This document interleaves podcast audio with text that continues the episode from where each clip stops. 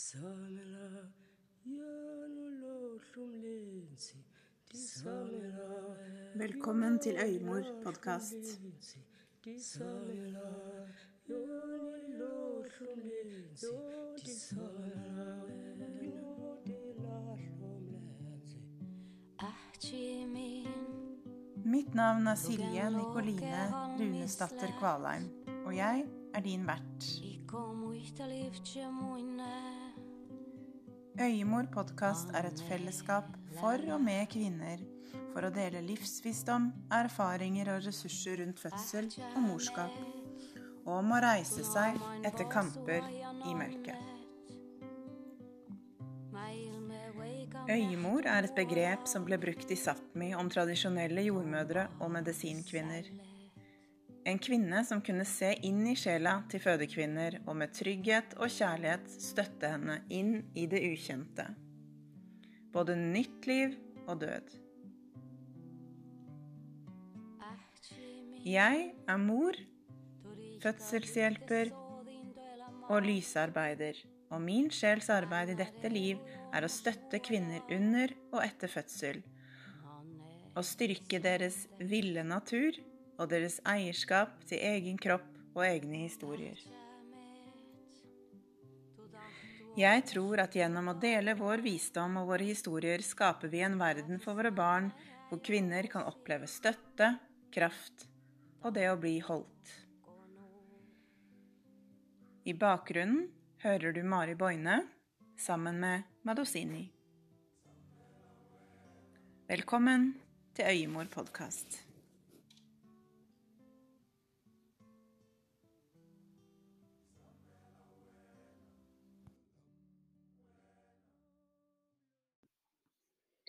Hallo, podkastvenner, og velkommen til episode nummer 23 av Øyemor podkast.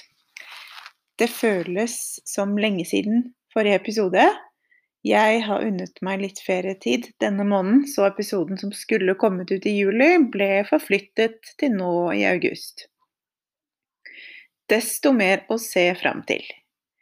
Jeg håper dere har hatt noen fine sommeruker, og at solen har fylt opp lagrene, at vannet har renset vekk gamle sorger, at den friske sommerluften har brakt med seg visdom og innsikt, og at moder jord har vært nærende og givende for deg i denne tiden. For meg har disse ukene vært deilige. Vi har jobbet mye på vårparten med å få på plass deler av hagen, og det har gitt oss gleder hele sommeren, og gjør det enda. Vi har høstet salat, bønner, sukkererter og reddiker og mye annet godt, i tillegg til den store gleden av å se blomster i alle mulige farver spre sitt glade vesen hver dag vi setter føttene våre i hagen. Å ha en hage, og dyrke selv, det er en stor del, del av det å være menneske, for meg. Det gir en nærhet til naturens rytmer og føles som det mest naturlige i verden å ta hånd om det som vokser. På mange måter sammenlignbart med det å ta hånd om vordende mammaer. De òg trenger omsorg, tid, trygghet og gode vekstvilkår for å blomstre. Det er også kommet noen nye filmsnutter på YouTube-kanalen med samme navn, iMother. Blant annet forteller jeg en del om hvordan det har vært for meg å endre livet fra et hurtigliv med mye stress, til et mer langsomt et som jeg lever nå. Du finner kanalen ved å søke på iMother på YouTube. Der har jeg også laget noen korte filmsnutter om mitt arbeid med gravide, fødende og barselkvinner. Så har du en baby i magen eller planlegger, så ta gjerne en titt. Jeg setter stor pris på om du vil abonnere på kanalen hvis du liker mitt arbeid, og del den gjerne med andre. Nå setter vi straks i gang med månegruppe fra 29. august. Vi er nå ni deltakere, mammaer fra nær og fjern. Nybakte mammaer, enslige mammaer, mammaer til mange, mammaer til de som har gått over til den andre siden. Vi samles rundt bålet siste søndagen i måneden, og jeg er helt sikker på at det blir magisk. Jeg gleder meg til å møte hver og en av dere, og det er én plass igjen, så hvis du bor i området og er interessert, skynd deg og ta kontakt. Jeg har nå første omgang med johannesurtolje klar for salg. Det er begrenset opplag, så hvis du vet at du ønsker eller trenger den, ta kontakt på mail eller Messenger. 250 milliliter koster 255 kroner, og 100 milliliter koster 120, 125 kroner. Gjensynet med johannesurten har nervesystemet mitt ventet på helt siden jeg gikk tom i fjor høst. Da laget jeg altfor lite.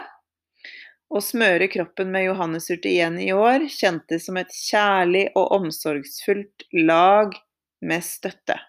Jeg elsker den urten, det er min favoritturt. Jeg tror de fleste mammaer vil ha glede av en slik følgesvenn som johannesurt.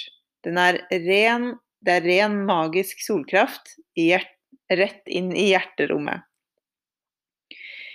I dag skal du få møte min gode venn My Maria Skarp.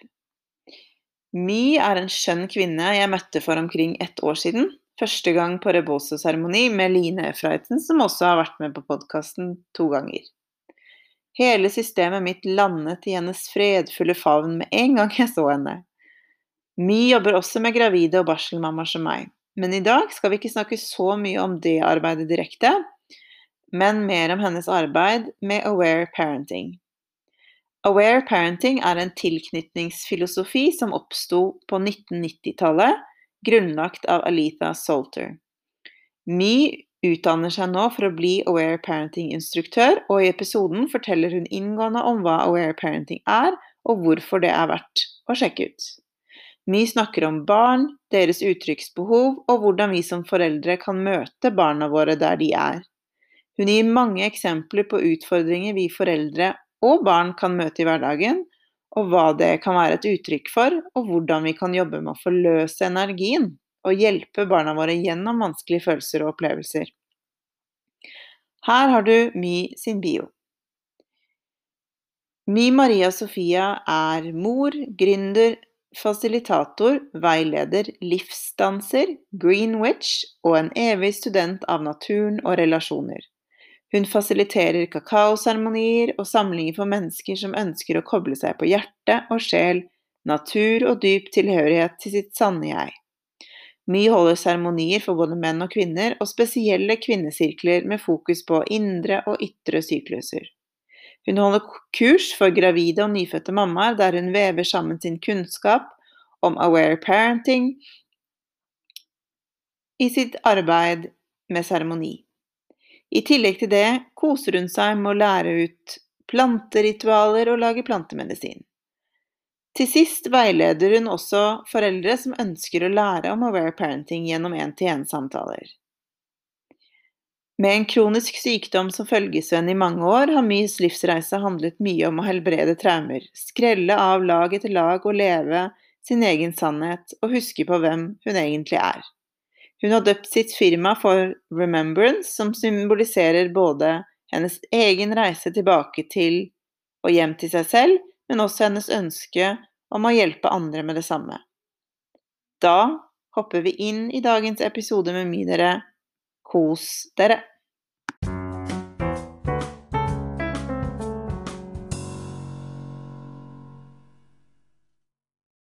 Hei, My. Velkommen til Øymor.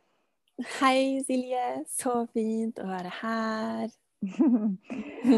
Det er så hyggelig, eh, hyggelig at du ville være med. Gleder meg til å snakke litt med deg i dag. Mm, ja, men gud, jeg kjenner meg helt sånn ah, honored to be asked. Så ja, takk for at jeg får være her. Ja. Så koselig.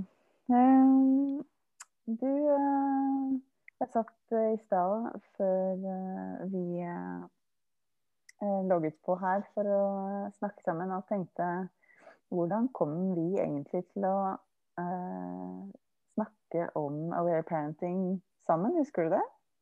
Mm. Vil du fortelle det? Um, hvordan Nå tror jeg jeg misforstår spørsmålet ditt. Kan du si det en gang til? Altså, for Jeg husker jo hvordan jeg møtte deg uh, på Rebozo-seremoni hos Line og sånn. Ja, precis. Mm. Men så bare plutselig så satt jeg og tenkte liksom eh, Når begynte vi egentlig å snakke? Jo, det var kanskje når vi var på kafé og du fortalte at du gikk på det studiet, kanskje? Eller? Ja, precis. Stemmer det. Når vi møttes eh, på kafé i Drammen. Ja. Ja, for at uh, vi, hadde jo, vi hadde jo lyst til å bare koble oss på hverandre. For vi bare mm, det her er en, det er en nice dame, jeg har lyst til å bli kjent med henne, tenkte jeg. Mm. Og så dro vi og møttes på den kafeen, kjempekoselig kafé i Drammen. Og så begynte vi egentlig bare å dele om livene våre. Og da kom vi jo ganske raskt veldig dypt, da. Mm. Og så var det vel sånn at jeg begynte å dele litt om bare liksom hva som skjedde i hverdagen min, og sønnen min, og hva jeg ser i han, og, Mm. og Ja, og så tror jeg at vi gikk en, ganske raskt også inn i sånn fødsel og, og sånne ting, og derigjennom kom vi inn på Our Parenting.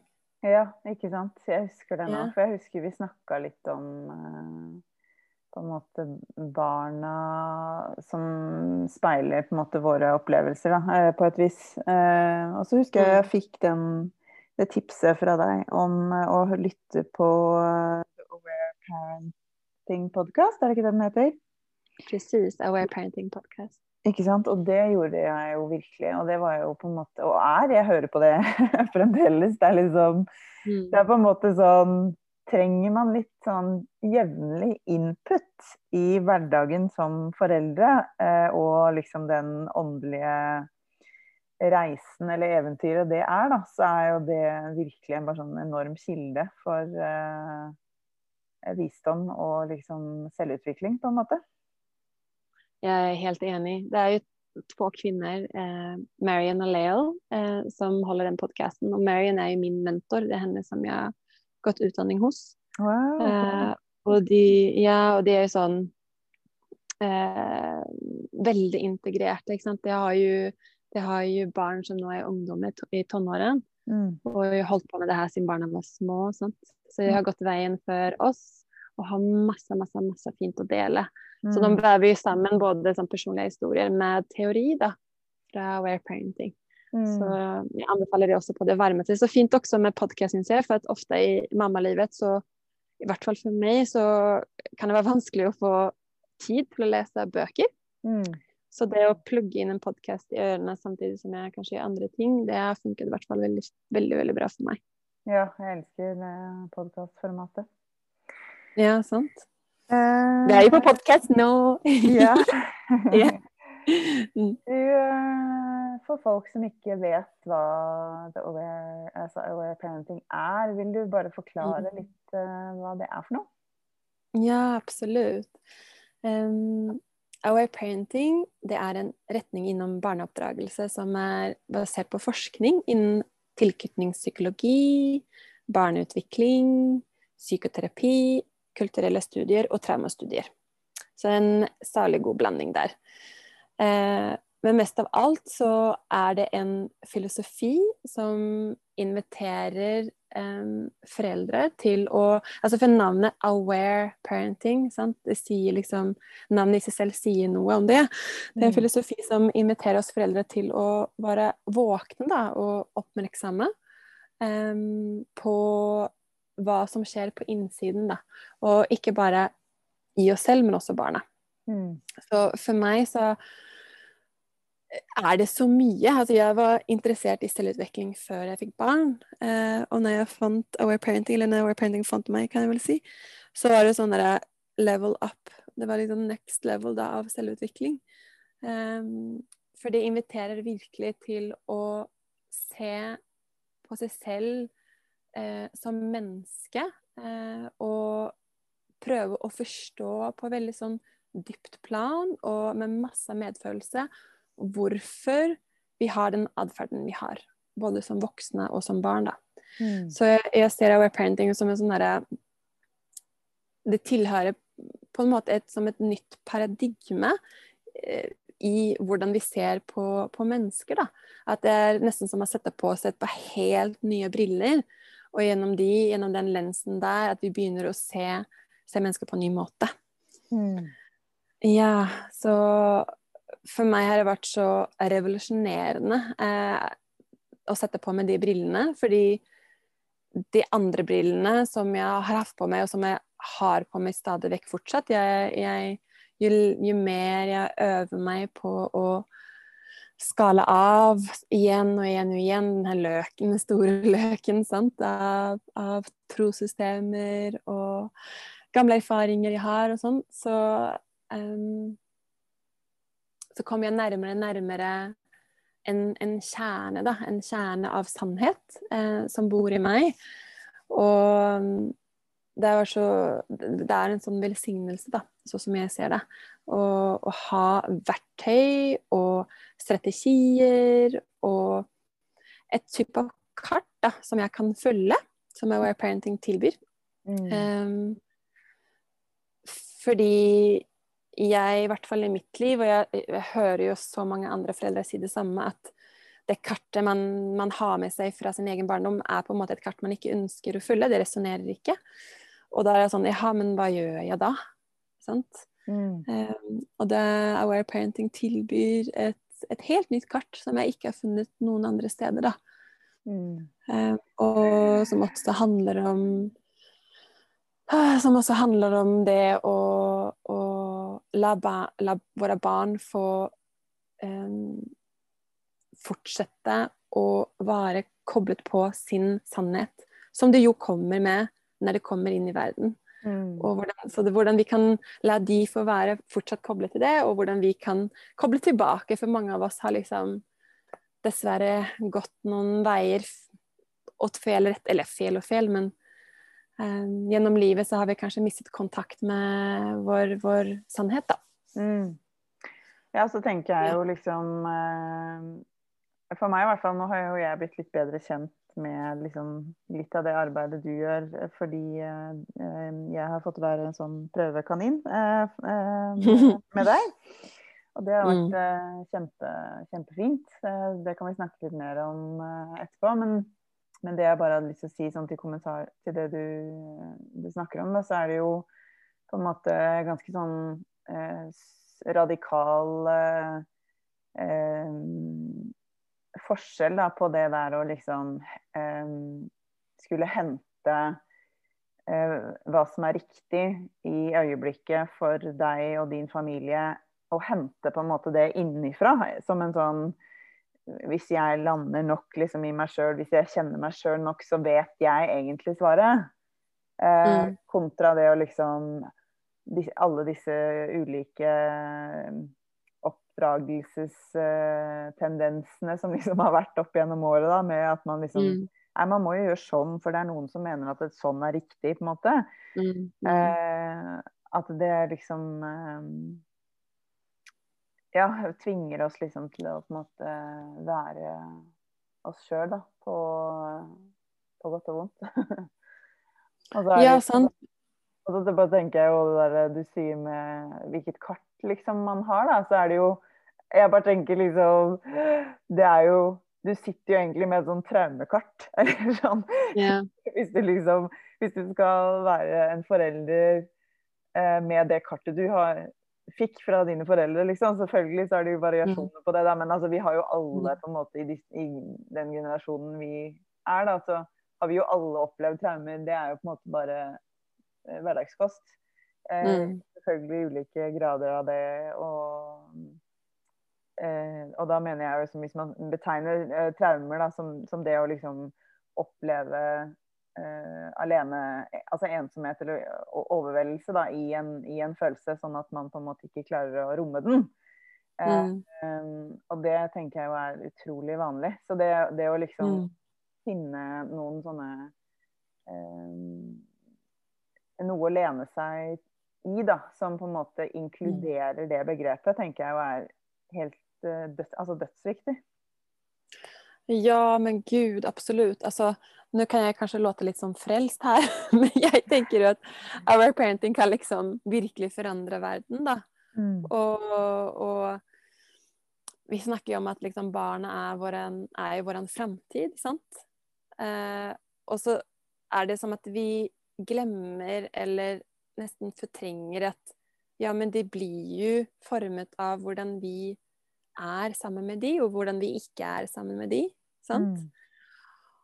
Og så har vi på en måte ikke kanskje lært Eh, hvordan Eller vi har i hvert fall ikke noen gode forbilder, mange av oss, i hvordan vi faktisk kan eh, Ja, som du sier, liksom helbrede traumer, for de oppstår jo. Altså, livet er livet. Og jeg ser ikke på min jobb som forelder at jeg skal prøve å beskytte mitt barn fra alt det vonde som skjer, som skjer i livet. Mm. Men dermed at min jobb er at gå inn der med, med masse connection og skape et trygt rom, så at mitt barn kan prosessere det, som, det vonde som har skjedd, sammen med meg, da, ikke Mm. alene. Og dermed så blir, tror jeg da, at da blir det ikke traumer. Mm. Eh, men hvis det allerede er traumer der, så er jo Apparent også så nydelig i forhold til hvordan I Our Parents så sier vi liksom at, at alle, omtrent nesten alle emosjonelle traumer kan helbredes. da. Mm. Og allerede fra at uh, de er nyfødt. Mm. Um, så vi trenger ikke lenger å vente til vi blir liksom 30-40-50, og så skal vi gå i, i terapi da, for å ordne opp i det som skjedde da vi var barn. Utan hvis vi bare har, får en forståelse for hva egentlig mennesket gjør og kan allerede fra start, så kan vi la det bare få skje. Mm. Så vi ikke går i veien for de, eh, de innbygde helbredelsesmekanismene vi har da, som Mm. mennesker. Eh, men som ofte så vi, vi vet det bare ikke. Sant? Og det var der Aware Parenting kom inn og liksom lifted on a wheel almost. Du vet, bare Mm. lyftet på noe og bare sånn Jeg bare aha, OK, you know. Og et, Mm. et, et eksempel på det er jo eksempel gråt, da, hvordan vi ser på gråt. Mm. Så um, babies kommer til verden og har jo ikke noe språk sant, i form av ord. Så de, de kommuniserer gjennom gråt. Så alt som har med behov å gjøre, kan de liksom på en måte Hvis de ikke hvis de ikke klarer å lese de veldig subtile tegnene som de gjør, så kommer de å gråte. Og da er det sånn der OK, hva trenger babyen? Men det er fint, vi hører at du gråter. Vi prøver å finne et, et behov her som vi, skal, som vi skal tilgodese. Men det som vi har ikke hørt andre steder, er det forståelsen over at barn, babies, babyer også gråter for å forløse stress. Mm. Sant? Og at det å komme til verden er en veldig overveldende opplevelse for Mm. alle babyer. Mm. Uansett om man liksom For at away parenting er jo en, en, en gren innom tilknytningsomsorg.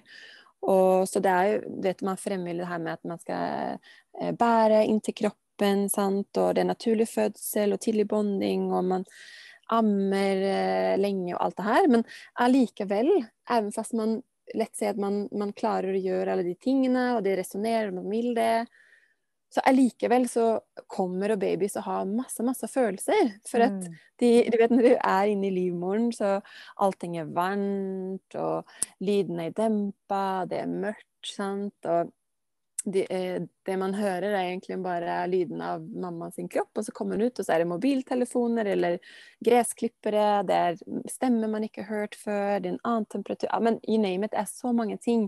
Mm. Og, og som er overveldende, da. Um, og det er i forskjellig grad beroende på hvor, uh, hvor bevisst man er på det, og hvordan man kan klare å beskytte baby fra overstimulering. Da. Men allikevel så kommer det bli en overstimulering der. Da. Det er veldig vanlig. Og da ordner babyen det med å gråte, for å bare forløse stress fra kroppen. Mm. Men isteden da for å holde rom for den gråten, så gjør vi alt vi kan for å stoppe den Mm. som oftest. Og det er der vi også stopper den innbygde mekanismen av å forløse stress, da. Mm. Eh, hvilket da leder til at de fleste mennesker har akkumulert stress i kroppen. Mm. Ja, da, da bare, bare får jeg lyst til å liksom invitere egentlig lytterne til å liksom selv For det her er jo på en måte en sånn Det er jo en sammenheng mellom hvordan vi selv eh, forløser stress eller ikke, eh, og Mm. barna våre. Måte, de har jo, som du sier, en innebygd eh, språk og refleks egentlig sant? Til, Mm. til det uttrykket. Og da tenker Mm. jeg som voksen, hvordan uttrykk Altså hvordan forløser du som lytter nå ditt stress? Mm. Det er jo mange ulike måter å gjøre det på, men gråt er jo definitivt en av de. Ja, hvis, hvis, hvis man virkelig har opplevd følelsen etter en skikkelig god gråt, Mm. og hvordan man føler seg da. Men det, med det sagt, så er det sånn Vi voksne er også annerledes, an, litt annerledes enn en, en små barn, da. Og det er at man skal aldri Parenting sier det veldig tydelig, man skal aldri la små barn, baby små barn, gråte alene. For da Mm. er det ikke den Da forløser de ikke stress, og de skaper egentlig bare mer stress. Mm. Det finnes jo liksom en type av um, metode, eller hva skal jeg kalle det for, som eh, i hvert fall på, på engelsk kalles for liksom 'cried out'. Mm. Og der man bare lar barnet få ligge alene og gråte. Og intensjonen er at de skal på en måte lære seg at uh, det hjelper ikke å gråte. Skal Mm. liksom, nå skal du bli ferdig med den gråten, på en måte. Mm. Og her er det helt motsatte. Mm. At, at vi, her er vi til stede og lytter og liksom har empati og alt det der. Og hvis man, hvis man klarer å skape det trygge rommet og lar gråten få komme til slutt, da kommer den deilige avslapningen etterpå og roen. Mm. Eh, og, men jeg mener, jeg kan kjenne meg igjen i det som voksen også, at hvis jeg har hvis jeg føler connection da, og har noen som empatisk lytter til meg, så har jeg en helt annen ro etter jeg har gråtet, eller når jeg har vært alene. Men jeg klarer også å komme dit alene fordi jeg er voksen. da. Jeg klarer å selvregulere og være der for meg selv. da. Mm. Um, uh, men det har jeg også fått hjelp med We Aware Parenting. at liksom, Hvordan er min indre dialog med meg selv, og hvordan kan jeg holde mitt eget indre barn når jeg har masse sterke, store følelser som raser gjennom kroppen min. Mm. Og jo mer jeg kan være der for meg, desto mer kan jeg være der for barnet mitt. Mm. Absolutt. Jeg bare, tenker, jeg bare får litt lyst til å lage bare en liten sånn link, for det kan jo kanskje for noen være litt vanskelig å, å øh, se hvordan det, det eksempelet du gir, da, med liksom å, å bli øh, Å få på en måte Å føle seg trygg da, i det å uttrykke gråt. Så Mm. eh, det er jo i, I min familie liksom, så var det på en måte no, noen følelser som var liksom greit å uttrykke, og så var det andre som på en måte ikke var greit. Eh, og sånn eh, gjennom årene og gjennom livet og på en måte fram til i dag, da, så kan jeg jo fremdeles liksom erfare hvor, eh, hvor mye jeg må jobbe da, eh, inni meg for å liksom tillate bare den, den eh, spontane gråten eh, at, at den på en måte er velkommen, da. Ja. Eh, mens andre følelser kan liksom være mye lettere og, og, og det er liksom så interessant da, å se hvordan, liksom, hvordan de tidlige sporene da setter liksom sannheter eh, som vi har med oss liksom resten av livet. Eh, og som igjen påvirker liksom neste generasjon da, i det å liksom OK, hvordan er det jeg da møter min datter når hun gråter, eller liksom Ja, sånne ting. Da. Så det har jo så utrolig sånne lange konsekvenser, da, de, de tingene som man kan tilsynelatende tenke at det er liksom Ja, ja, men bare liksom Nå må du Eller at man distraherer, eller at man liksom Nå må du bli ferdig med det, og nå gjør vi noe annet, eller At det er viktige ting, da. De følelsene som kommer, er viktige ting. Ja, ja, men precis. Og, det, og, det, er liksom ingens feil, hvis du skjønner hva jeg mener. Altså, jeg tenker at vi alle, inklusive våre foreldre og besteforeldre og lengre bak der, har liksom gjort det beste vi har kunnet utifrån den kapasiteten vi har haft, Mm. og vi har. Mm. Um, og det kan jo hende at det er noen som lytter nå, og liksom at det kan komme opp masse sterke følelser gjennom å høre på denne samtalen her, da. Mm. Så jeg vet at uh, Marion pleier ofte å se på, eh, si på Aware Parenting-podkasten, jeg syns det er så fint at hun bare er sånn I invite you to put down the guilt sticks and invite Ja. a lot of compassion to yourself. Du vet. For jeg har også Mm. sånn, hørt på en sånn episode noen snakket om ting, og så har det liksom kommet opp kanskje dårlig samvittighet, du vet, eller Mm. skuldkjensler, og bare sånn Nei, akkurat det du snakker om, det, det, det, akkurat det har jeg gjort masse, you know? Ja. Og så bare sånn derre Ja, sant. Og bare sånn derre Ingen er perfekt. Og eh, det, vi, det jeg tenker det vi kan gjøre, er liksom når vi får ny informasjon, og hvis den informasjonen resonnerer, så bare si OK, fra nå, hva kan jeg gjøre for endring i morgen? ikke Sant? Og, og, og, og bare gå sånn baby steps, og så faller man tilbake og så opp igjen, liksom. Og det er, bare- det er, It's just so massive, så stort. Jeg ser liksom at det handler ikke liksom bare innom situasjonstekken om det som vi faktisk har opplevd i vår egen barndom. Det handler også om kulturen. sant? At Ja, eh, vi mm. har vi har en sånn design som mennesker at vi Det som blir vi, vi får lært i kulturen vår, men også i familien vår, at det skal vi føre videre til neste generasjon. Det er en sånn overlevelse, sant? Mm. Og når det er ting som handler om barneoppdragelse, når vi ser på sånn der generell, la oss kalle det for mainstream parenting, da, så er det sånn mange ting vi gjør, og perspektiver vi har på barn. Altså det har vært i kulturen vår i tusen, to, altså i hvert fall 2000 år, da. Mm. Det er, det er bare så utrolig. Så ja, så, så klart har det skjedd en evolusjon, og ting har forandret. Men det er mange sånn grundtrosystemer som fortsatt ligger i bunn av hvordan vi faktisk ser på barn, som jeg ikke var bevisst over i det hele tatt. Mm. Um, så det er liksom bare spennende å bare tråkke inn i det terrenget hvis man er interessert da, til å utforske sånn Hva er det egentlig som skjer når jeg føler at jeg blir kjempetrigga Mm. når ungen min sier nei til meg, f.eks. Mm. Mm.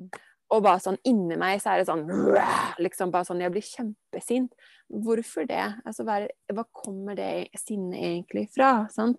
Eller at for eksempel Jeg har en liten baby, og jeg har gitt den mat, den har varme klær, jeg har skiftet bleie. Alle behovene er møtt, og allikevel så gråter denne babyen.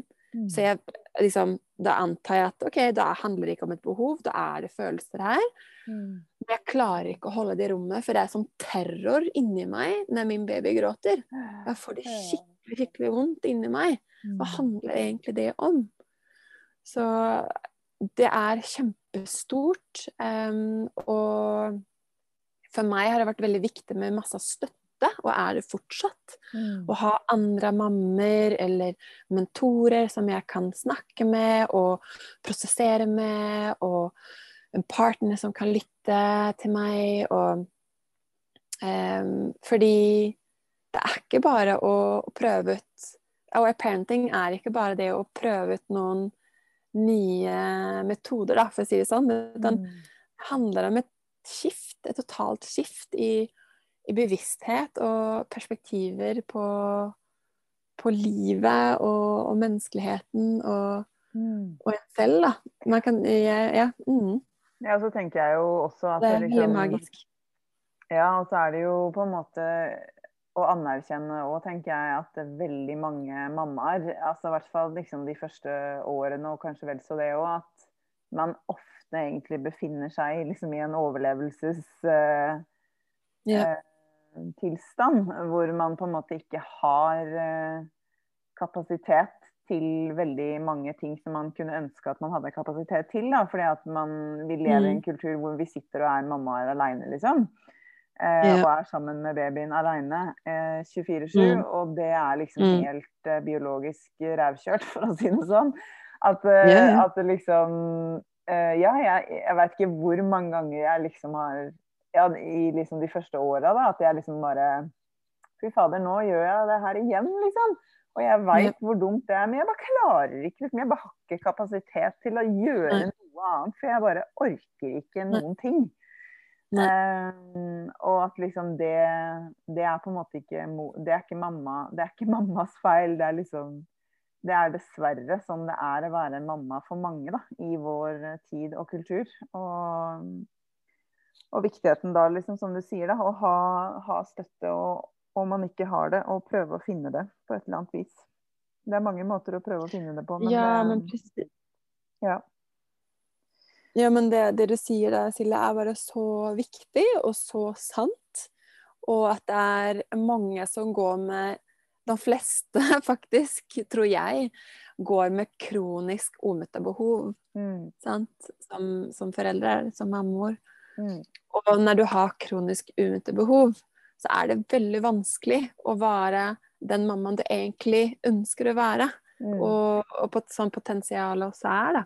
Mm. Eh, även fast du kanskje har kjempegode verktøy, informasjon og you know, som, Jeg kan ta meg selv som et eksempel. og bare sånn, ok, nå eh, Alifa Solcher eh, er kvinnen bak eh, Where Parenting. Um, hun er en eh, utviklingspsykolog, og hun har skrevet fem bøker. Og det kan du sikkert Kommer du gjøre sånn show notes, eller? Mm. Og, Ja. Det kan, ja.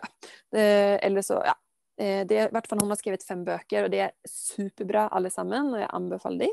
Men let's say da at eh, du har lest alle bøkene, og som meg er bare sånn, ja, gått dypt i det her og holder på å praktisere og har masse support og lalala, av mentorer og venner og alt det her. Og allikevel da, så kjenner jeg at jeg er langt ifra em, en optimal hverdag der jeg kjenner at alle mine behov er møtt. da.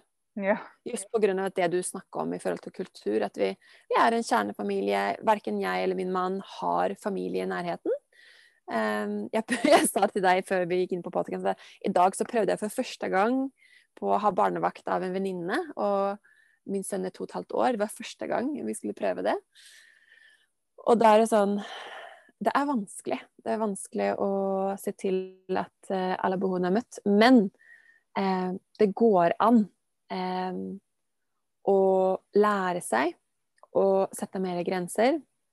Og eh, finne muligheter imellom her og der, Mm. her og der, til å faktisk prioritere seg selv. Da. Mm. Og det har jeg bare sånn Siden jeg ble mor, så har jeg bare fått det i ansiktet igjen og igjen og igjen. Altså ting som jeg har klart å gjøre før, altså overskride meg selv mange ganger før. Altså det funker ikke nå, for det, det, det blir så speilet i mitt foreldreskap, da. Mm. Når jeg har gjort det, så, kom, så er det det, det, liksom, det første det går på, er hvordan jeg responderer til min sønn. da. Mm. Det er en av de første speilene jeg får, at jeg bare OK, wow. Nå har mamma ikke tatt vare på seg selv, nei. Mm. Og det er ikke det ansvaret eh, min sønn skal bære, da. Det er ikke Mm. hans feil, det er mitt ansvar. Så um, det er, det er tricky. Det er tricky. Eh, men jeg tror på at vi beveger oss inn i noe nytt. Der vi kan finne alternative løsninger, og at vi også blir invitert som, invitert som mammaer i dag til å tørre å spørre mer om hjelp, og tørre å kreve mer tid for oss eh, av partnere og av på arbeidsplasser og hva det nå enn er. Mm. Fordi jeg tror også et trossystem som dessverre har blitt passed down fra generasjon til generasjon til generasjon, er at vi skal være de her selvoppofrende mammene som bare gir og gir og gir og gir og setter oss selv sist. sant? Mm. Um, og det that just need to change. Ja, ja, klart. Det er ikke bærekraftig, og det går utover ikke bare oss selv, men våre barn, da, som blir formet av det her for resten av Mm. sine liv. Ja. Det er det jeg tenker det er liksom det derre Jeg tror en av de mest radikale liksom, valgene en mor kan gjøre for liksom seg sjøl, familien, verden, framtiden, liksom, det er nettopp det Mm. der å velge liksom eh, Når en skal velge hvordan en ønsker å leve, da. Altså Ja. typ sånn hva slags jobb en ønsker, hvor en vil bo. At Mm. en virkelig eh, liksom tar det biologiske liksom behovet eh, seriøst, da. Og liksom, Mm. er det et nettverk for meg her? Kan jeg liksom skape et nettverk? Er det Altså at liksom Hva hadde skjedd, liksom, hvis vi kvinner hadde på en måte satt det øverst på prioriteringslista? At liksom Mm. Jeg må bo et sted hvor jeg vet at det er andre mødre som på en måte Mm. har litt samme i hvert fall ønsker eller verdier, kanskje, da. For, Mm. eh, for på en måte livene vi skal leve, da. Eh, for det er klart at eh, det er liksom det, det nettverket er liksom, tror jeg, noe av det Ja, noe av det viktigste vi kvinner eh, trenger og har. Eller ikke har. Ja, sant. Nei, because we're missing the tribe. Ja. Så vi, vi trenger å liksom skape det selv, da, på Mm. en eller annen måte som kanskje ikke akkurat ser ut sånn som det gjorde før. For noen kanskje det er mulig og ønskelig. Og for andre så er det sånn OK, mer en moderne versjon av det. Hvordan ser det ut, da? Og, og bare åpne opp sin horisont for at Men hvorfor skulle ikke det være mulig? Why not, liksom? Mm. Og sen, og sen da Hvis man jeg, jeg er så heldig som har et nettverk av kvinner og mammer og mennesker i mitt liv som vi har veldig lignende verdier. Eh, men det hadde jeg ikke for noen år siden. Så jeg gjorde mange endringer i livet mitt da som ledde til at jeg plutselig attraherte mennesker inn i mitt liv som, som jeg resonnerte med, da. Eh, og det var så magisk og veldig smertefullt også på mange plan å gi slipp på det gamle. Ja. Eh, og det er ikke alle som kan det hende at du har noen lyttere som er sånn Denne podkasten er på en måte triben. Fordi i livet sitt så, så er, eksisterer det ikke. Og det er mange som har det sånn. Ja, det er det Eh, absolutt. Ja, sant. Og der tenker jeg bare sånn der, OK, men hvordan, hvordan kan man finne den triben sånn fysisk også, da? Og, Mm. Men det, det er noe som er veldig positivt med, med teknologi også. At online så kan man også connecte via du vet, forskjellige Facebook-grupper. Og Our Parenting har jo også sine tribes rundt omkring i verden. Um, nå um, vet jeg ikke om så veldig mange som som praktiserer aware parenting i Norge. Jeg har eh, en venninne som er den aller første sertifiserte aware parenting-instruktøren i Norge. Uhu! Så jeg er så stolt av henne. Eh, Marte heter hun. Og så har jeg et par andre venninner eh, som, som, som jeg har lokket inn i det her. så vi er liksom, you know, går veien sammen. Og så har jeg møtt deg, Silje, og noen andre mammaer som jeg har jobbet med, da. Eh, som kjenner meg gjennom annet arbeid som jeg gjør. Mm. Og så, ja, så da liksom sakte, men sikkert så vokser det et nettverk innenfor dette her. Men jeg vet jo også at det er andre tilknytningsomsorgsretninger som er kanskje litt mer um, uh, Hva skal jeg si? Um, Vanlige. ja, men, ja, men litt vanlige som, som folk eh, Det kan hende at liksom At man kan finne noen der, du vet, og Ja. Mm. Så det, det fins muligheter. Ja, det gjør det. Ja. Eh, apropos arbeid eh, og liksom aware parenting. Eh, kan du fortelle litt om hvorfor eh, og hvordan du eh, eh, kom inn i det? Liksom? Hva gjorde at du hadde lyst til å bli instruktør selv? Mm. Så hvordan jeg kom inn i det, var um, fordi jeg hadde en rimelig traumatisk fødselsopplevelse med min sønn. Så det var, jeg hadde sett for meg en, en opplevelse, og det ble det strikk motsatte, kan man vel si. Ehm, så etterpå så Jeg bare visste at dette trenger vi å, å jobbe med. Eh, men jeg visste ikke hvordan. Men jeg, kan, jeg kunne huske på at jeg hadde lest i en eller annen gravidbok før fødselen at det ble anbefalt å ta kraniosakral behandling på barn som hadde blitt født med keisersnitt. Mm. Så da tok jeg kontakt med en behandler som jeg kjente fra før. Eh, og han gjorde hjemmebesøk hos oss når Birk var tre uker gammel. Og da delte jeg litt om vår opplevelse med han. Eh, og da anbefalte han eh, The Aware Baby-boken, som er den aller første boken av Alit Ponter. Og han sa bare det at eh, han hadde hatt en lignende opplevelse som vår, og at den boken hadde hjulpet hans familie veldig mye. Så jeg bestilte den boken med en gang, og så kom den på posten. Og der var jeg da i postparten-bublaen og altså var skikkelig traumatisert fra den opplevelsen som hadde vært. Eh, Birk han var jo også det, og det, vi begge hadde det veldig vanskelig. Og var hjemme i et hus på landet der ingen andre var. Eh, og så skulle jeg åpne boka, og bare kjente at jeg ble supertrigga. Og bare lukket igjen boka og la den på hylla. Mm. Og kjente at det her var jeg ikke klar for. For noe av det første som står i Aware Baby-boken, er liksom Det bare står sånn pent beskrevet om eh, konsekvensen av å ha visse typer av fødselsopplevelser. da. Mm. Og vi hadde jo hatt en som var liksom på, på lista, da, som anses liksom Det sier ikke at det er noe feil eller liksom superalvorlig, men bare sånn at okay, hvis det her har skjedd, så blir det konsekvenser. Mm. Og jeg satte jo igjen jeg, jeg, jeg følte etter den fødselsopplevelsen at jeg hadde gjort noe gærent. At jeg, jeg hadde gjort noe feil. Mm. Jeg hadde skikkelig mye dårlig samvittighet og masse skyld og skam for det som hadde skjedd. Mm. Så når jeg åpnet den boken da, da jeg var da, så var jeg bare sånn Det bare trigget de Mm. følelsene der, da. Mm. Em, så jeg la den vekk. Og så gikk tida, og vi, gjorde, vi eh, gikk gjennom livet så godt vi kunne, på forskjellige måter. Og så var det en venninne til meg som var på besøk eh, med sin sønn, som er litt eldre enn min, og spurte om hun kunne låne en bok mens hun la seg og- skulle hvile i et av rommene i huset vårt med, med sønnen. har absolutt bare gå til bokhylla, hvilken du vil. Og så valgte hun den boken.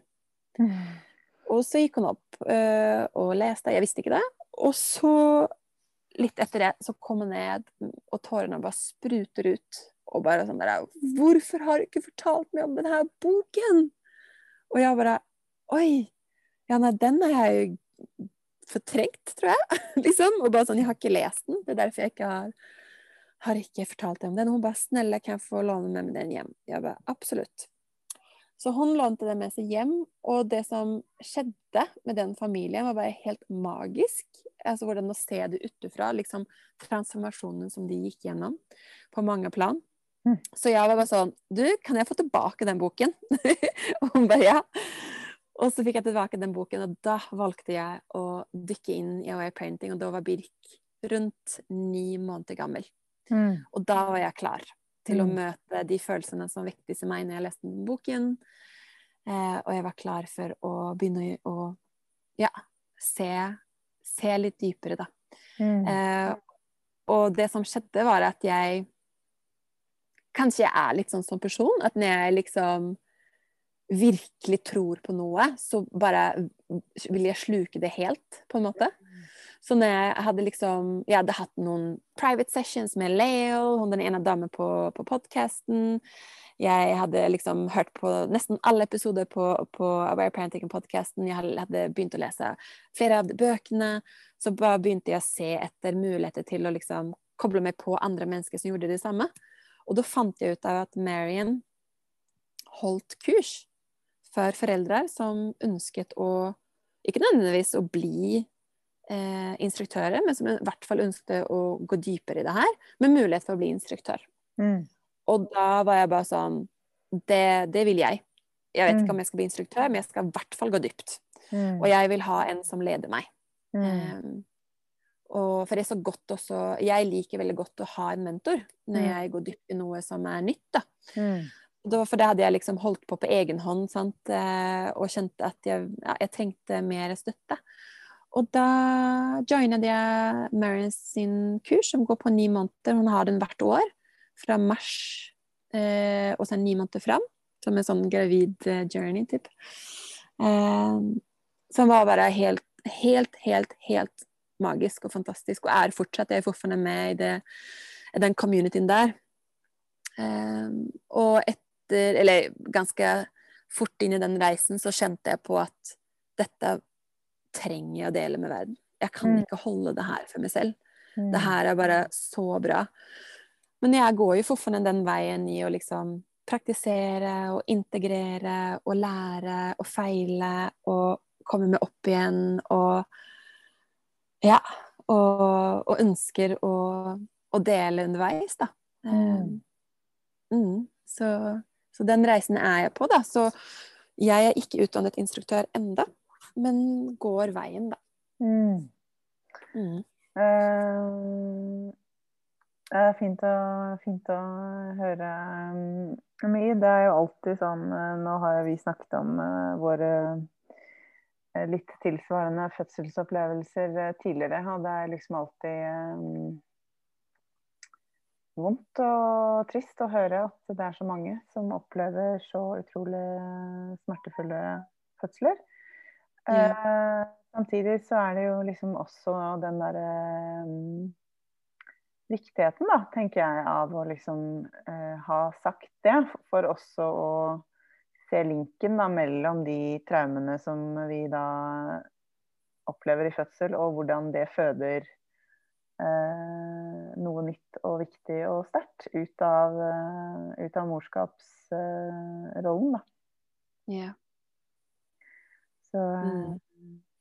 så det tenker Ja. Jeg, jeg- jeg har tenkt mange ganger at liksom Hvis ikke vi hadde hatt den fødselsopplevelsen som vi hadde, jeg og Birk og, og Lasse, hans pappa, så hadde jeg nok ikke funnet aware parenting. Mm. Og da hadde jeg ikke delt det med de som jeg har delt det med til nå. Og de deler videre i sin tur igjen, og plutselig så er det en bevegelse der. Mm. Og jeg er bare sånn wow! Altså Everything is perfection, you know. At, og jeg tror jo også på det nå. At Birk valgte sin fødselsopplevelse. Mm. Og at det er en del av hans livsreise. Jeg velger å tro det. Mm. Eh, og, men det betyr ikke at det ikke var smertefullt for Mm. oss. Em, men det betyr heller ikke at vi trenger å bære med oss de smertene resten av livet. Mm. Ja, så tenker jeg jo også at uh, det er liksom viktig uh, å si da til eh, Hvis det er noen som hører på som har, og, jeg, det vet jeg at det er, at det er mange som har tilsvarende opplevelser, og at um, det tok i hvert fall meg mange år å komme til et punkt hvor jeg liksom kunne se på den opplevelsen og liksom si Her har jeg fått noe altså sånn, Å se det Ja. i det hele tatt uh, i et Ja. lys av en gevinst, på en måte.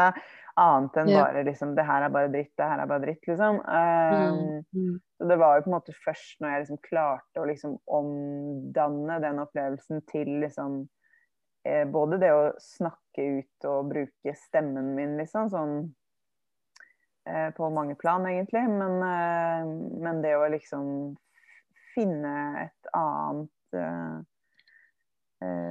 virke, egentlig, da. Og liksom mm. en annen motivasjon for hva jeg driver med, liksom. Uh, Ut ifra det Mm. Ut ifra den opplevelsen, da. Så det Ja, neimen det Ja. Mm. ja, Sånn at det Det er så viktig det du sier, Silje. Det kan ta tid. Eh, Ja, men precis. Man kan inte, man kan liksom inte eh, påtvinga en helbredelse. altså, you cannot rush your healing. You Mm. know? Alltså, den, den tar den tiden det tar, og det er helt ok. mm, Og det er også sånn Jeg vil bare ta sjansen å bare anerkjenne at hvis man har hatt en, en fødselsopplevelse som har vært traumatisk, så er det bare skikkelig smertefullt. mm, Det er bare sånn Hvis jeg ser på andre ting som har skjedd i livet, som har vært traumatiserende, så Det der var bare sånn en helt annen nerve av smerte. Ja. Ja. Um, emosjonell smerte. ja. Så det um, Det Ja, jeg vil bare sende ut en sånn skikkelig god, varm, myk, trygg klem til alle de mammaene som kjenner på de følelsene der. Mm, Av skam eller sorg, raseri og forvirring og alle de store følelsene som kan komme opp da, mm, eh, etter en sånn opplevelse. mm, Mm, for det er dessverre all, veldig mange.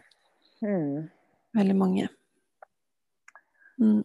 Eh, jeg bare mm, satt og tenkte litt sånn eh, Eller jeg kom på egentlig litt eh, For jeg husker du delte litt eh, når vi satt på den kafeen, som i hvert fall gjorde meg veldig sånn interessert da, i det her eh, eh, Hvordan Og liksom Ja, egentlig i forhold til Det var vel egentlig i forhold til lek, og liksom hvordan yeah. barn utspiller da på en måte et behov egentlig liksom gjennom lek.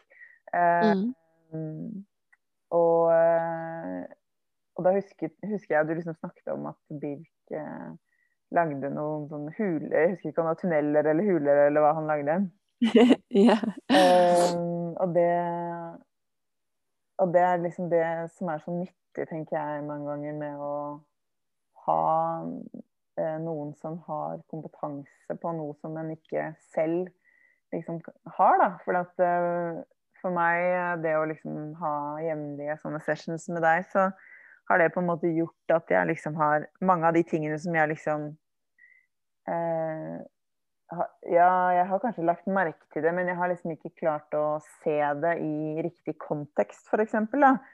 Eh, sånn at Et eksempel på det er liksom at Indra også leker jo Indra ble også født med keisersnitt, og hun også leker veldig mye det her Lage tunneler, lage huler.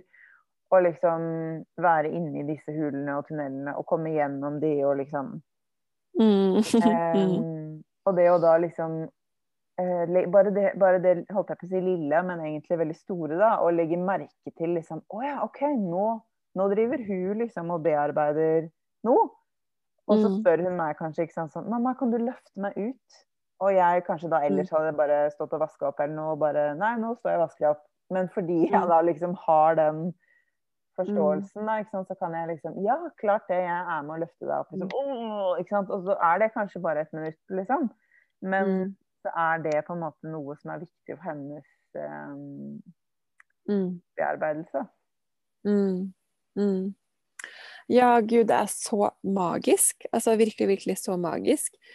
Em, jeg har nevnt litt om det her med gråt, og altså de tre Eller hva skal man si De to hovedtingene innom Aware Parenting som handler om forløsning av følelser, er jo det ene er liksom gråt og raseri, altså vi kan kalle det for tantrums, eh, raseridelen.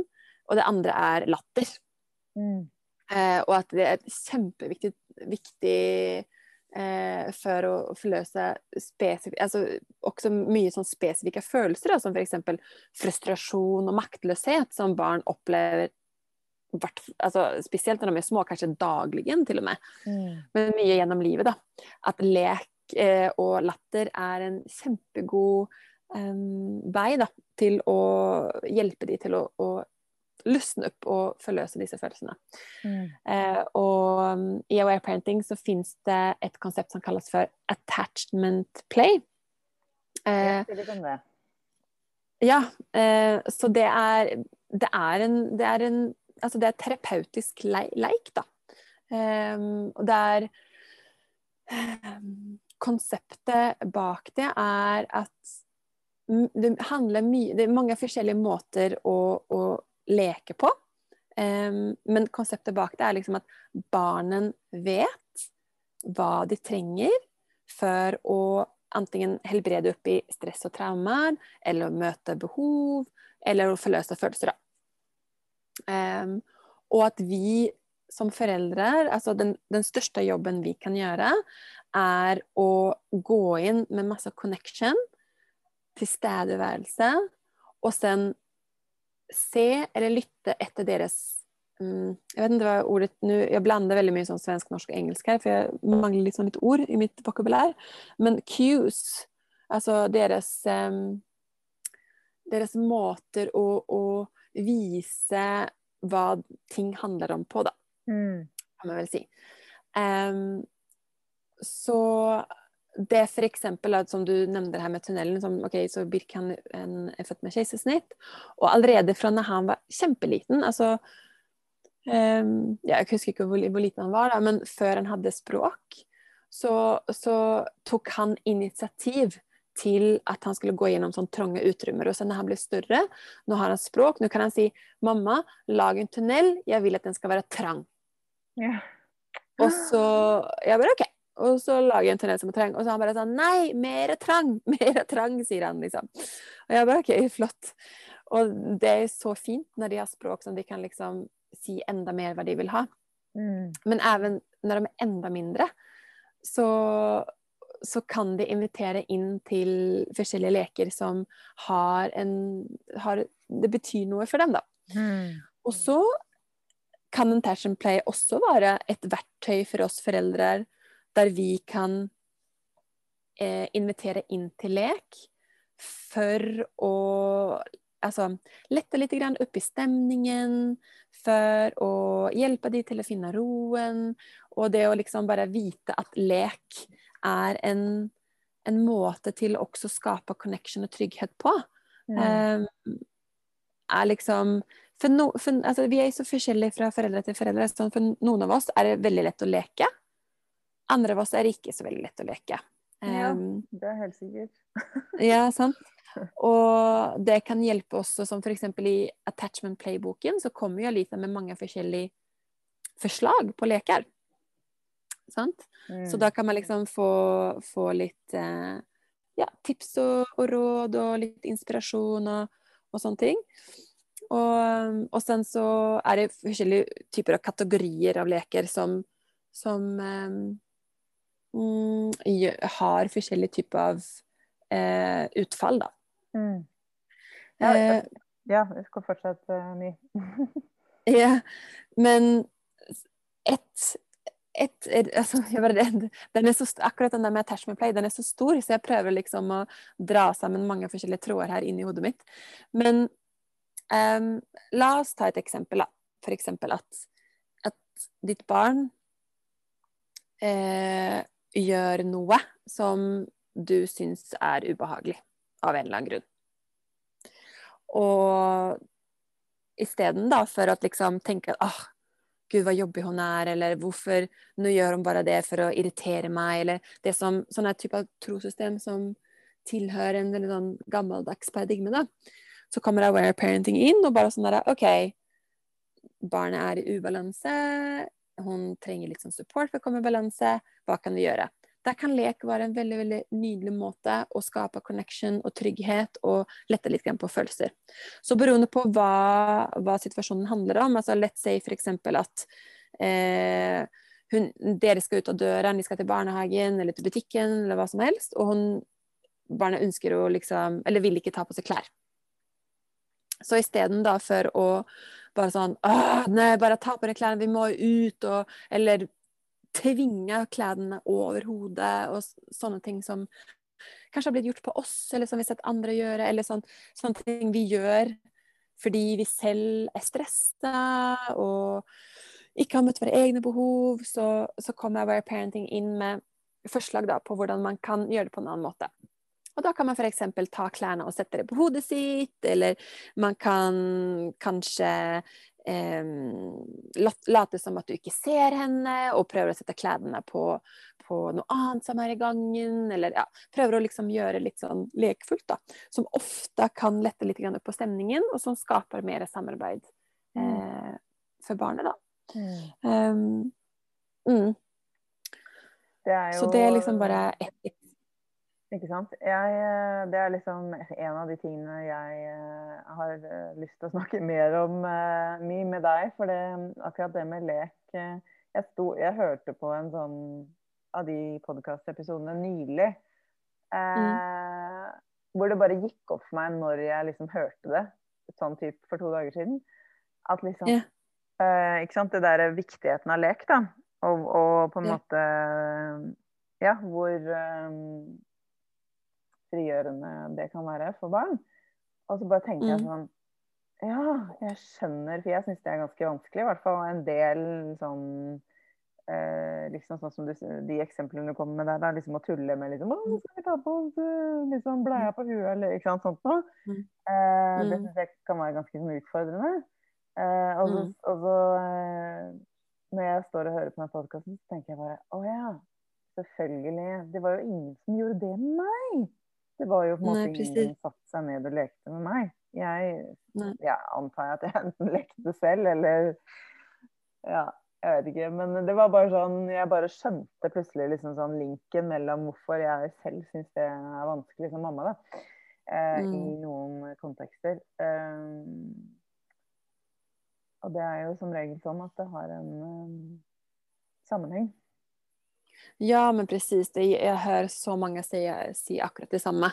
Og der pleier jeg liksom også å spørre bare sånn, ok, men hva er, hva er dine barndomsminner? Kan du huske på at det var mye lek? Og noen har jo hatt det. Jeg har hatt en forelder som var veldig leken, Mm. og kanskje en annen forelder som på en måte ikke var det i det hele tatt. Mm. Eh, og at, eh, for, ja, at noen eh, konstellasjoner er sånn, og andre er bare sånn Hva? Jeg husker ingen lek, liksom.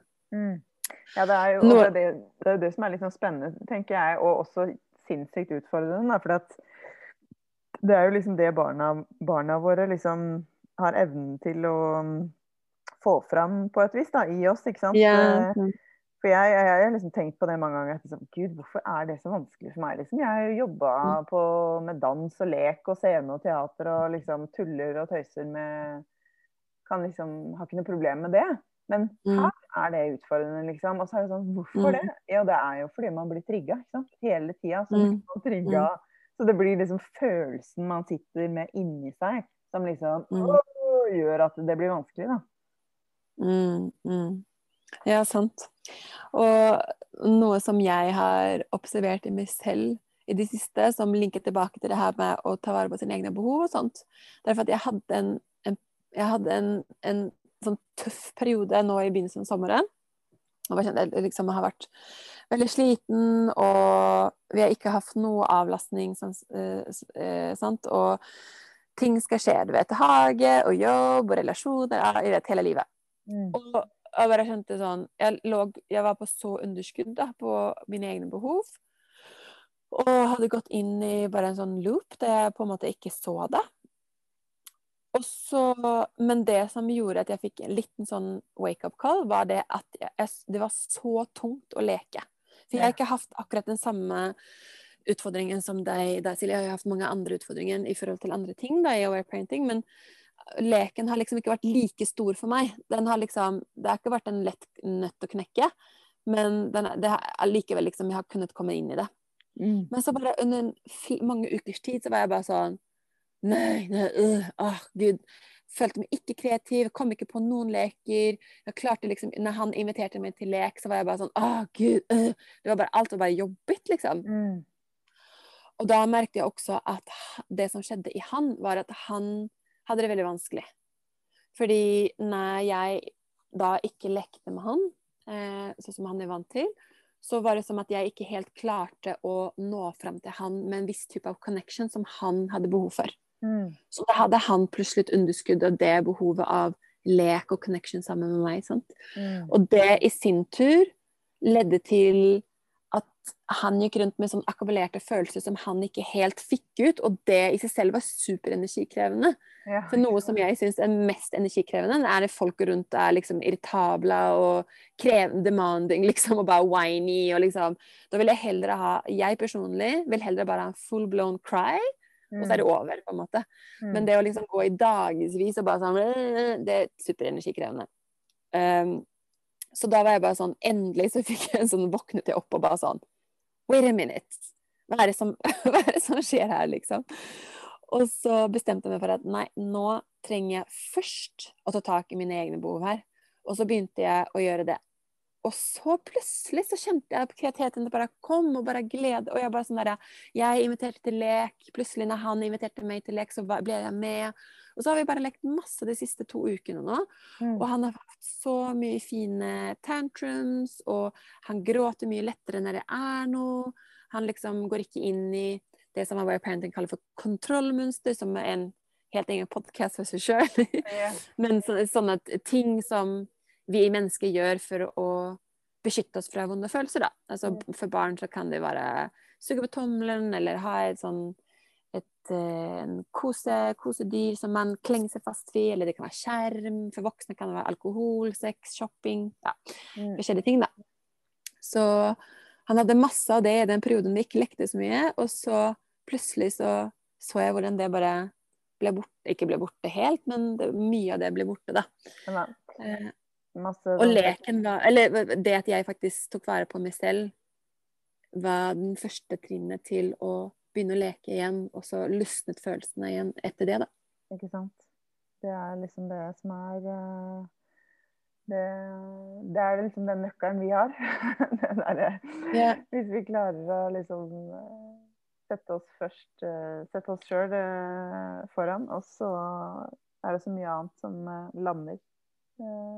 Ja, sant. Og så finnes det jo mange forskjellige måter å, må, å altså sånn som jeg og min partner, vi er veldig forskjellige. Eh, Min partner og Birk, de, det meste leken de gjør, er veldig sånn fysisk kroppslek. De herjer og ruller rundt, og Birk kan få leve ut litt sånn sunn aggressivitet, litt sånn eh, lekeslåssing kind of thing. Mm. Um, det løper mye og slår liksom stuper kråke og masse sånne ting. Mens jeg og Birk gjør mye sånn symbollek, eksempel.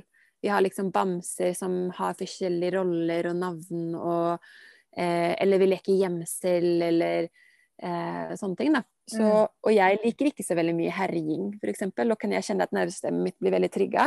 Ja. Og det føles ikke trygt ut for meg. Sant? Så der, der går ikke jeg inn. Og det har Birk lært seg. Han kan, han kan godt invitere inn til det, og da, da trenger jeg jo bare OK, men hva er, jeg, hva er det for behov jeg har? For jeg sjekker inn med meg. OK, jeg har behov for trygghet.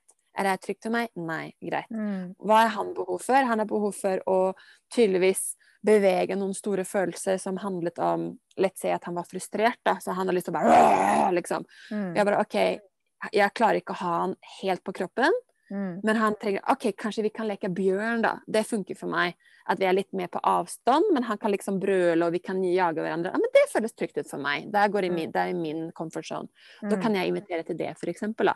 Så det er veldig viktig at liksom at vi også tar hensyn til oss selv og våre behov, og at vi, så at vi ikke strekker oss for langt, for da blir, da blir ikke leken det som leken kan være for begge to, da. Mm. Hvis du skjønner? Ja, Mm. det er, eh, det er et stort tema som eh, er kjempespennende. Eh, Ja. Jeg føler mye at jeg kunne, vi kunne sitte og snakka i timevis om det her. Eh, Det er så fint eh, å snakke med deg, og eh, det er så godt med alle eksemplene, tenker jeg. For det, mange ganger så er det jo liksom litt det som er utfordringen, syns i hvert fall jeg, da. Å liksom Mm. ha noen andres perspektiv liksom, på andre måter man kan gjøre ting på. Fordi man går Mm. mye aleine som mamma. Og, da, Mm. Eh, og hvis liksom den generelle summetonen er at man ofte er sliten, så er det liksom Mm. noe med å bare Ja, men hva om du kan prøve det, liksom? Og så bare Oi, det, det gjorde ting mye lettere, liksom. da. Mm. Det er uh, veldig verdifullt Uh, å uh, ja, både um, jobbe med deg og, eh, og ha, ha, høre liksom litt de eksemplene og, og tankene rundt. Da. Ja, nei, men takk. Altså, det er så verdifullt for meg å få øve meg på å sette ord på alt det jeg har erfart og lært hittil. Liksom, det er en integreringsprosess i seg selv å bli spurt og få muligheten til å sette ord på det. Mm. så det er noen ting som jeg øver meg også på. Så tusen Mm. takk, Silje, for, at, at jeg, for tilliten, og for at jeg fikk være her, og mm, at jeg er her. Mm. Du, og sånn Avslutningsvis så tenkte jeg kanskje du bare vil fortelle litt eh, hvordan man kan nå deg, og liksom hva du egentlig tilbyr, og hva du driver med sånn eh, relatert til eh, mammaer, da. Ja. Så nå i august så starter jeg opp eh, sirkler igjen. Um, 19. august så blir det oppstart for gravidsirkel, og 20. august så er det oppstart for postpartum, altså mamma-baby-sirkel. Så de er fysisk her på Nesodden, der jeg bor. Gravidsirkelen kommer også å, em, å s- sier man? Streames online? Altså det kom, det kommer var mulighet for å være med online også. Um, og i de sirklene der så jobber jeg sammen med en kollega som heter Line, og vi vever sammen. em, m- det som jeg har snakket om her nå, er en introduksjon til aware parenting med ritual, planter Altså vi gjør sånn herbal oiling treatments, og jeg serverer kakao. Kakao er en plante som er veldig viktig i mitt liv, så jeg har kakaoseremoni. Vi trommer og vi synger, og det er åpning for å dele mammaene imellom. Og vi er inputa om eh, ikke bare aware parenting, men andre temaer som er koblet til moderskapet og, den, og forandringen i kroppen under graviditet, og sen etterpå i postpartum. Eh, og Line, min kollega, hun har samisk ursprung, så hun kommer også med intro til det, noen samiske gudinner. Eh, ja, så det, det er supernydelig arbeid. Det er bare så fantastisk. Jeg elsker det. det er, eh, jeg gleder meg masse til å starte opp igjen. Um, og så tar jeg imot én-til-én-klienter, der vi har samtaler som kan egentlig gå mange forskjellige retninger. Det beror på behovet av mammaen. Så vi kan jobbe med det indre barnet gjennom meditasjon. Vi kan eh, gå gjennom mange forskjellige eh, ting i aware parenting. Alt fra lek til amming til soving og ja, eh, alt mulig. Eh, og siden jeg er under utdanning, så tar jeg halv pris på én-til-én-sesjoner fram til jeg er sertifisert. Da. Um, er det noe mer jeg tilbyr akkurat nå i forhold til som er koblet til aware parenting?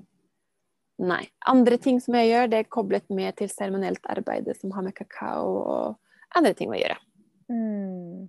Mm. Du, takk mye. My. Og så vil jeg jo bare si til lyttere at det, den muligheten for å på en måte få den eh, støtten da, fra My, for, i hvert fall for meg, har vært kjempefint og er kjempefint. Og virkelig noe som jeg både ser fram til eh, hver gang, og som jeg liksom Ja, som både hjelper liksom hverdagens utfordringer og altså det har bare vært supernæringsrikt for meg som mamma å ha den inputen og, og støtten fra deg. Så hvis du, Mm. hvis du som lytter er en mamma som føler at du trenger ja, litt ekstra støtte, da, så vil jeg virkelig anbefale deg det. Um, hvor er det, hvordan er det man får tak i deg, My? Så det raskeste er på mail. Mm, så det er jeg, Kanskje du kan skrive det, det er kanskje vanskelig å huske det, men det er i alle fall blomstrendebarn at gmail.com. Eller så har jeg også et Instagram-konto som heter Blomstrendebarn. Eh, og så har jeg en ny hjemmeside som er under konstruksjon, som kommer opp snart. Så bra, Mi. Da Ja. nå må jeg bare takke så mye for at uh, du har kommet og eh, snakket om uh, aware parenting med oss. Og det har vært kjempefint og inspirerende. Og eh, jeg tror du må komme tilbake og snakke litt mer om det. Ja, det vil jeg gjerne. Er mye, ma mange temaer som er så viktige. Men eh, Ja, det var kjempefint, eh, My, å snakke med deg. Og Mm. ja, kjempestor uh, stor glede å ha deg med. Å, tusen, tusen takk, Silje. Gleden er min, altså.